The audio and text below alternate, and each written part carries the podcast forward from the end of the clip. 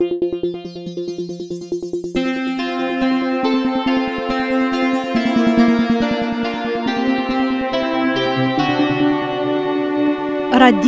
Esperanto Parolas Kaliningrado, saluton. La 24 de februaro dimanche, el la Kaliningrada studio de Radio Esperanto vin salutas Alexander Korzenkov kai Halina Gorecka. Vi auscultas la kvarde la uvice, kaj la duan yaranson programon de nia podcasto, kiu enmundiĝas quar semainoin post nia antaua la quarde sepa programo. Inter ĉi programoi, programoj ni pointus festi la dekunujariĝon de nia podcasto, ja ni foial paroles vin antaŭ ĝuste dekunu la kvinan de februaro 2008. Sed la quinan de februaro ni tutte mal memoris citiun dat revenon, ja nur la antauan tagon la quaran de februaro ni pretigis la februaran el donon de la ondo de Esperanto, cae frumatena la sesan de februaro ni ec voyages al Poznano, kie mi faris kun la assisto de Halina curson pre la historio de Esperanto cadre de la quara sessio de la interlinguistica studoi, kiu in Elona Kutnik vidas ce la Universitato Adam Mickiewicz. En la studei horoi ni giuis promenado in tra nia shatata urbo Poznano con multe interesajoi historiai, architecturai kaj gastronomiai. Ni anco successis ce esti la gaian komunan vesperon, al kiu venis anco kelkaj poznanaj semidianoi. Dankon Ilona pro le invito! Sed nun ni jam laboras pri la Marta Ondo dedicita al interlingvistiko kaj esperantologio, kaj ni esperas, ke vire audos nin iam en marto – kiam jam comencigios la sep semaina granda fasto. Odio, vi audos la Kaliningradan felietonon de Halina, kiu ci foie racontos pri la urbeto Pravdinsk, sekvos Esperanto novajoi kaj prezento de la februaro el dono de la Ondo de Esperanto, kiu resultis enorme amplexa, sebdek ok paĝa. Poste nia gasto Paulo Mojajevo, recenzos por vi la albumon Bosniumas de la grupo Espodespo cae uno el la cantoj de ĉi musica collecto, cronos la programon. Bonan auscultadon!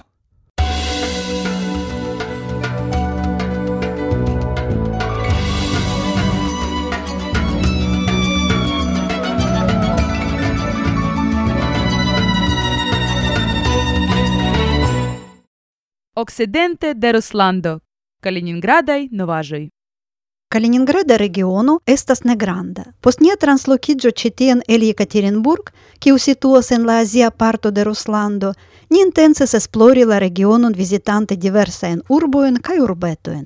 Memkompreneble, ni komencis de la marurboj, des pli ke el Kaliningrado al Zelenogradsk, Pioniersk kaj Svetlogorsk oni povas veturi per loka trajno. Dum multaj jaroj ni vizitadis la nomitajn urbojn Kurŝanterlangon kaj la urbojn Jantarnoj kaj Baltisk, ĉiam apud la Balta Maro. Sed ekde kelkaj jaroj ni revenis al nia origina plano. Parenteze mi diru, ke ni loĝas en la sukcena lando, kiel oni ofte nomas la Kaliningradan regionon preskaŭ dek ok jarojn. Do, ni decidis ke ĉiujare ni elektu unu du novajn lokojn, Kai unu el la jam vizititaj urboj iĝis Pravdinsk. Ni ne posedas auton, tial ĉiuj niaj vojaĝoj okazas per publika transporto.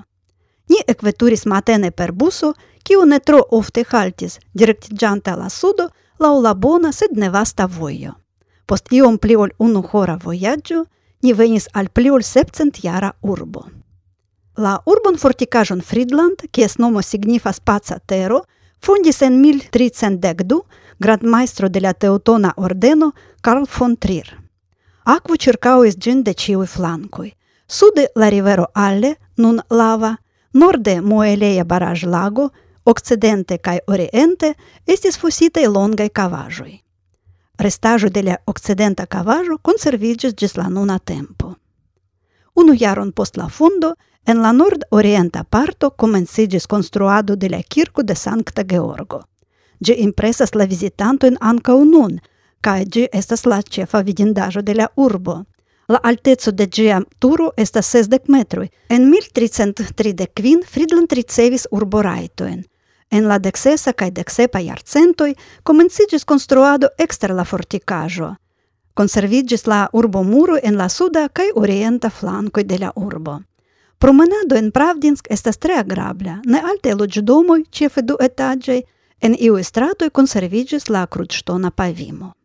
Tamen ni revenu al la kirko de Sankta Georgo, en kiu nun funkcias samnoma rusortodoksa preĝejo. Oni povas supren iri al la sonorilejo. La ŝtuparo, havanta cent sepdek ŝtupojn, estas malvasta, sed la penado supren grimpi valoras belegan rigardon de la supro al la urbo kaj ĝiaj ĉirkaŭaĵoj. La urbo Friedland enhistoriĝis pro la batalo, kiu okazis la dekkvaran de junio 1807 inter la ruslanda kaj napoleona armeoj dum la milito, en kiu Ruslando strebis defendi sian aliancanon Pruslandon. Ĝis la Friedlanda batalo Napoleono neniam sukcesis venki la ruslandan armeon, sed apud Friedland La ruslanda armeo trafis en malavantaĝan situacion, perdis la tempon kaj manke de komandado devis retiriĝi, perdinte dek du milojn da murditoj kaj vunditoj. La Napoleona armeo ankaŭ havis grandajn perdojn, pli ol dek miloj da homoj. Rezulte de la Fridlanda batalo estis subskribita la Tilzita packontrakto, sed pri Tilzit temos en mia alia rakonto. La nomita batalio famas anco pro tio, che pro la coraggio cae heroeco montritai de russai soldatoi, ili unuafoje en la ruslanda historio estis decoritoi de la Georgai Cruzoi. Tiel la urbo Pravdinsk estas patruio de cetiu honor signo. Ancau quelcae alie tradizioi en la ruslanda armeo ligidjas alla la. Cetere, Шатанто деле милита milita historio, ne nur el Kaliningrada regiono, partoprenas en la reconstruado de la batalio. Ci jare la festivalo okazos fine de junio. Post la batalio, Napoleono noctumis en unu el la domu en la centro de Friedland, kiu conservigis gis la numna tempo. Inter la alie vidindaĵoj mi menciu la monumenton al la granda ruslanda feldmarŝalo Mihail Kutuzov kaj skulptaĵon Pac Ja ankaŭ la unua mondmilito pasis tra ĉi tiu urbo, kaj post la dua mondmilito ĝi ekapartenis al Sovetunio.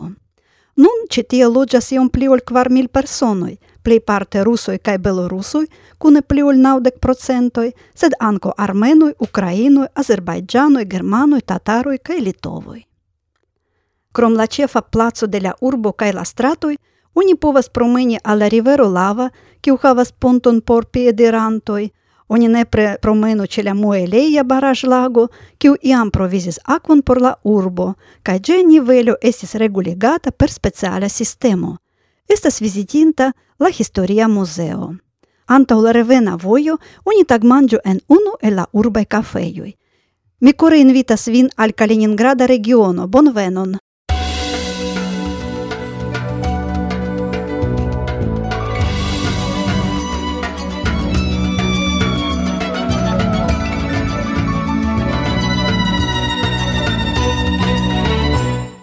Esperanto novaĵoj. Eh, la ĉefa novaĵo La Ministerio pri Kulturo de Kroatio deklaris Esperanton kiel nematerian kulturan heredaĵon en Respubliko Kroatio, konforma al la leĝo pri protektado kaj gardado de kulturaj valoroj. Oni povas ĉi tiun oficialan decidon la plej granda atingon la historio de Esperanto en Kroatio, post Pollando, Nun anco in Croatio Esperanto estas protectata nemateria cultura heredaĵo. La procedo de enirigo de Esperanto en la nacian registron de culturaj nemateriaj heredaĵoj dauris en Croatio kvar jaroin. Ni cora gratulas niajn in samideanojn.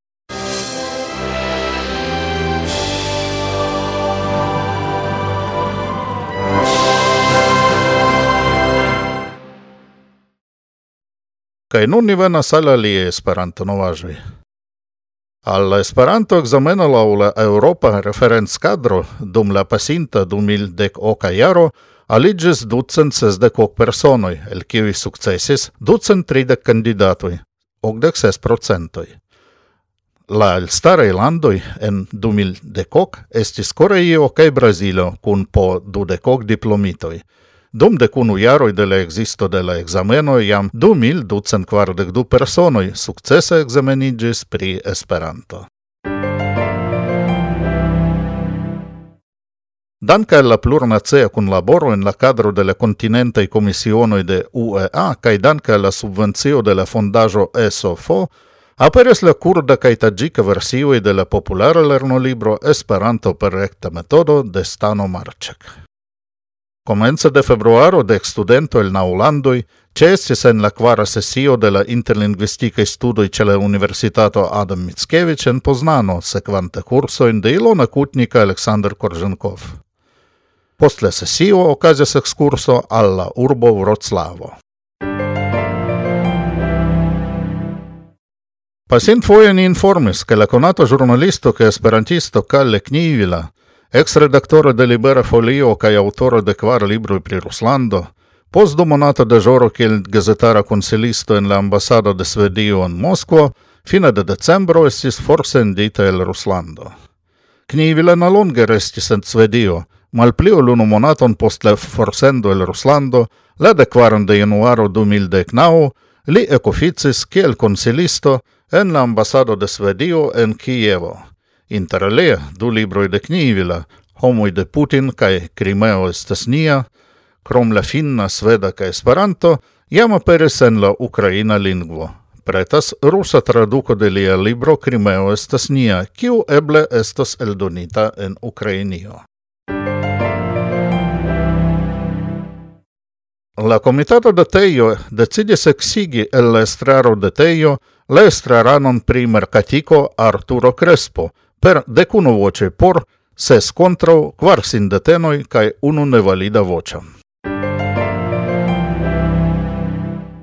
I la hodiao tago, la dudekvara de februaro, al la centkvara Universala Kongreso de Esperanto, Kio okazos en julio 2019 en Lahtio, Finlando, aliĝis sescent kvindek se partoprenantoj el kvindek tri landoj, plej multe el Finlando, Sesdexes, Francio, Quindexem, Germanijo, Kvardeknau, Japanijo, Kvardekvar, Brazilo, Kvardekunu, Pollando, Dudeknau, Korejo, Dudekok, Usono, Dudekvar, kaj Činijo, Nederlando, Ruslando, kaj Svedijo, podudek tri personoj.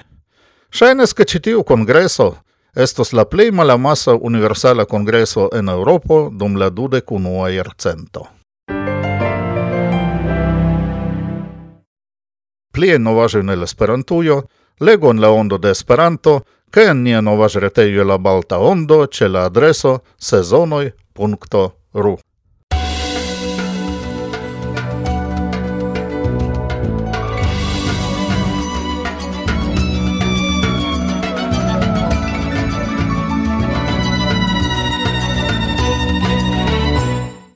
Parolas Kaliningrado. La unuan februaran lundon aperis la dua ciara numero de la Ondo de Esperanto sur recorde multe sebdec hoc pagioi. Kiel cutime por februaro, gin malfermas amplexa interviuo cun la esperantisto de la iaro, Jori Yasuo, respondas la demando de la vice-redaktoro de la Ondo, Paolo Fischer-Kotowski. La movada seccio en havas artikolon pri la tri tradiciaj Esperanto-semajnoj okazintaj dum la jarŝanĝo en Germanio. La deka junulara Esperanto-semajno en Storkov, la kvara Luminesk en Königswinter kaj la deksepa novjara renkontiĝo de Esperanto-land en Wiesbaden, kiun kune partoprenis ĉirkaŭ kvincent personoj. Krome en eventoj legeblas artikoloj pri aliaj okazintaj kaj okazontaj Esperantaj renkontiĝoj kaj kongresoj en pluraj landoj – cae alia primovada materialo. Quelca articolo racontas pri la preparado de la kvindekvinaj Baltie Esperanto-tagoj, kiu okazos la sesan de kvaran de julio en la litovia urbo Panivejo.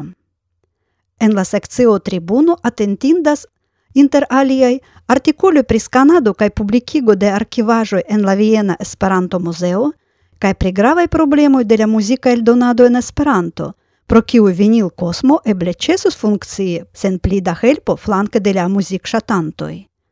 En la seccio archivo, post la cutima monata listo de esperantista jubileoi cae memordatoi, sekvas articolo pri unu e la februara jubileului, Mari Hankel, la unua regino de la internaciae florae ludoi, ofte nomata la unua esperanto verkistino. Ĉi tiun artikolon de Halina Gorecka kaj Aleksandr – garnas la plej konata poemo de Hankel kaj kelkaj opinioj pri ŝia verkado. La plej ampleksa februara sekcio estas kulturo. En ĝi dudek kvin paĝoj eblas konatiĝi kun unu el la plej diskutataj rusaj romanoj La eta demono de Fyodor Salagub tra enkonduka artikolo kaj roman fragmento tradukita de Aleksandr Karženkov. Алија Гранда февруара тексто esta реценза есео de Сиберија Siberia esperantisto Станислао Билов при ла либро «La strato de Сведија журналисто кај дипломато Кали Книвиля. Фине de la февруара ондо estas la ŝatata rubriko Spritaj кај преск presk-eraroj Иштван Ертел. Граве, ла la redakcio decidis senpage диспониги ла februaran ондон. – al ciui desirantoi e conatigi con citiu sendependa internazia bit gazeto. Gi estes libere el shuteble en nia reteio. Esperanto streketo ondo.ru obliqua streko libroi obliqua streko libroi punto po ho po. La ondo de Esperanto estas abonebla por la 2019 jaro ĉe landaj perantoj UEA конто кај прла интернација паго систему PayPal.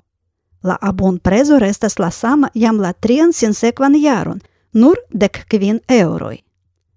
Ĉiuj novaj abonantoj por dek naŭ ricevos donaci la abonon por dek ok, inkluzive de la literatura suplemento Orienta Almanako. Pliaj informoj estas en niaj retejoj. esperanto-ondo.ru kaj sezonoj.ru.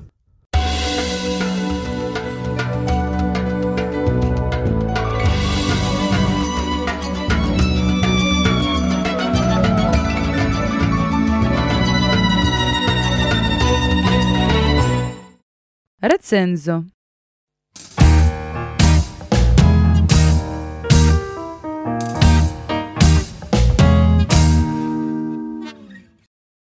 Belega bosniumajo, ec se pli musica ol canta. La disco de Espodespo Bosniumas, el donita de Vinil Cosmo en 2016. Espodespo estas internazia gruppo aperinta sur la restajoi de la fama bando Esperanto Desperado, kiu disigis en 2005. Comence la grupanoi ludis plejparte la cantoin hereditain de Esperanto desperado, sed ili daure sercis sian propran stilon, kiu resultis en aperigo de la unua albumo Esperante en 2008. Nun la kernon de la grupo consistigas Amir Hadži Ahmetovic, Karl Maybach kaj Birte Jona Roskvar Knudsen. Sed la grupo aktive kunlaboras kun multaj gast muzikistoj. La nova albumo kun la karakteriza nomo Bosniumas estas bazita sur la bunta muzika kaj kanta kulturo de Bosnio. La historio de la albumo komenciĝis en 2006, sed daŭris tiom longe pro tio, che la musicistoi desiris ne nur presenti la tradizia in cantoin, sed ancau aldoni al ili freshain cae modernain music arrangioin. Ankaŭ nemalofta komplikeco de la bosnae ritmoi cae harmonioi, same kiel partopreno de multae invititae musicistoi, pli ol dec, iom malrapidigis la aferon. Sed finfine la laboro in cronis la collecto de dec du cantoi ege dignai cae interesai laula sono. Mi intense diris laula sono, char la albumo vere resultis pli musica ol kanta la cantai elementoi resultis palei. Unue, la traducoi estas ne tre bon qualitai cae de la poesia cae de la lingua vid puncto. Multegas mislocitai accentoi, kiui ofte malfaciligas la comprenon, foie strangas la vort ordo cae vort electo, la textoi mem presentas pli ofte iom hacitain sent registrajoin, ol bele cun legitain frasoin. Due, la musica arangioi plei ofte ne reliefigas la vocion per lautezzo, sed faras gin quaso aldona musica coloro, pro cio la compreneblezzo de la textoi ec pli malbonigas. Quaso comprenante cae acceptante tion, la cantistoi, crom Amir Hadži Ahmetovic, gaste cantis ancau Alejandro Cosavella, Patrick Austin, Guillaume Armid, Flavio Fonseca, cae Hele Eble Cliri, ne multe zorgis pri bona prononco cae pri clare distingeblai vortofinoi, cio aparte rimarkeblas ocase de cunpuscigio de vortoi, finigiantai cae comencigiantai ie vocaloi. Foie audeblas ec evidente mise prononzatai sonoi. Felice, la musica naturo de la albumo supercompensas la mancoin de la texta parto. La melodioi, kiel ce ciui ain popolei cantoi, estas tre belei cae memorindei. La bosnae ritmoi cae harmonioi vere ensorcias. La musicoi estas tre divers specei. Eblas audi la plenan diapasonon de meditadei baladoi tra cortuscia lirico gis scherza danzo. Iom dominas tamen nelauta, minora cae sveba sono – al kiu la bosnai musicae tradizioi aldonas ege spizzan guston. Apartan laudon meritas la laboro de la musicistoi relate la music arrangioin. Vere temas ne pri simpla plenumo de la popolei cantoi, sed pri ties sia spezza refaro forme de modern colorai musicae poemetoi. La musicistoi neniel penis emfasi la popolezon de la cantoi per la uso de iui tradiziai musiciloi, male.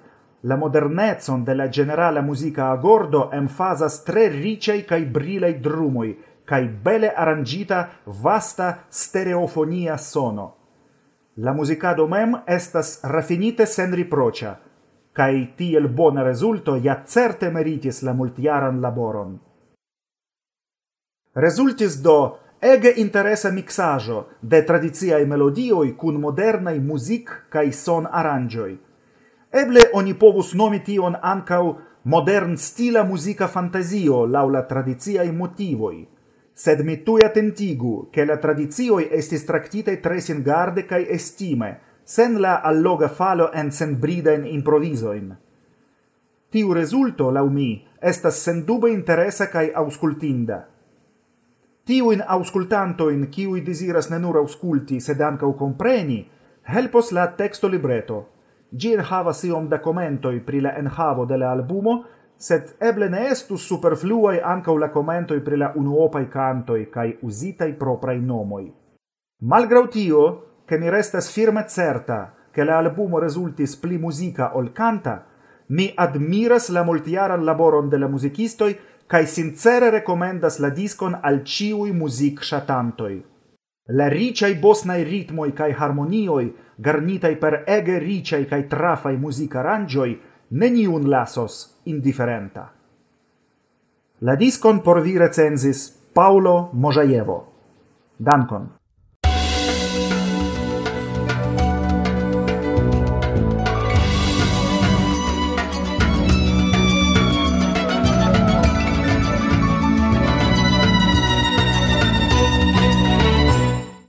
Radio Esperanto Dankon al Paolo pro la recenzo per in februara el dono de la Ondo de Esperanto.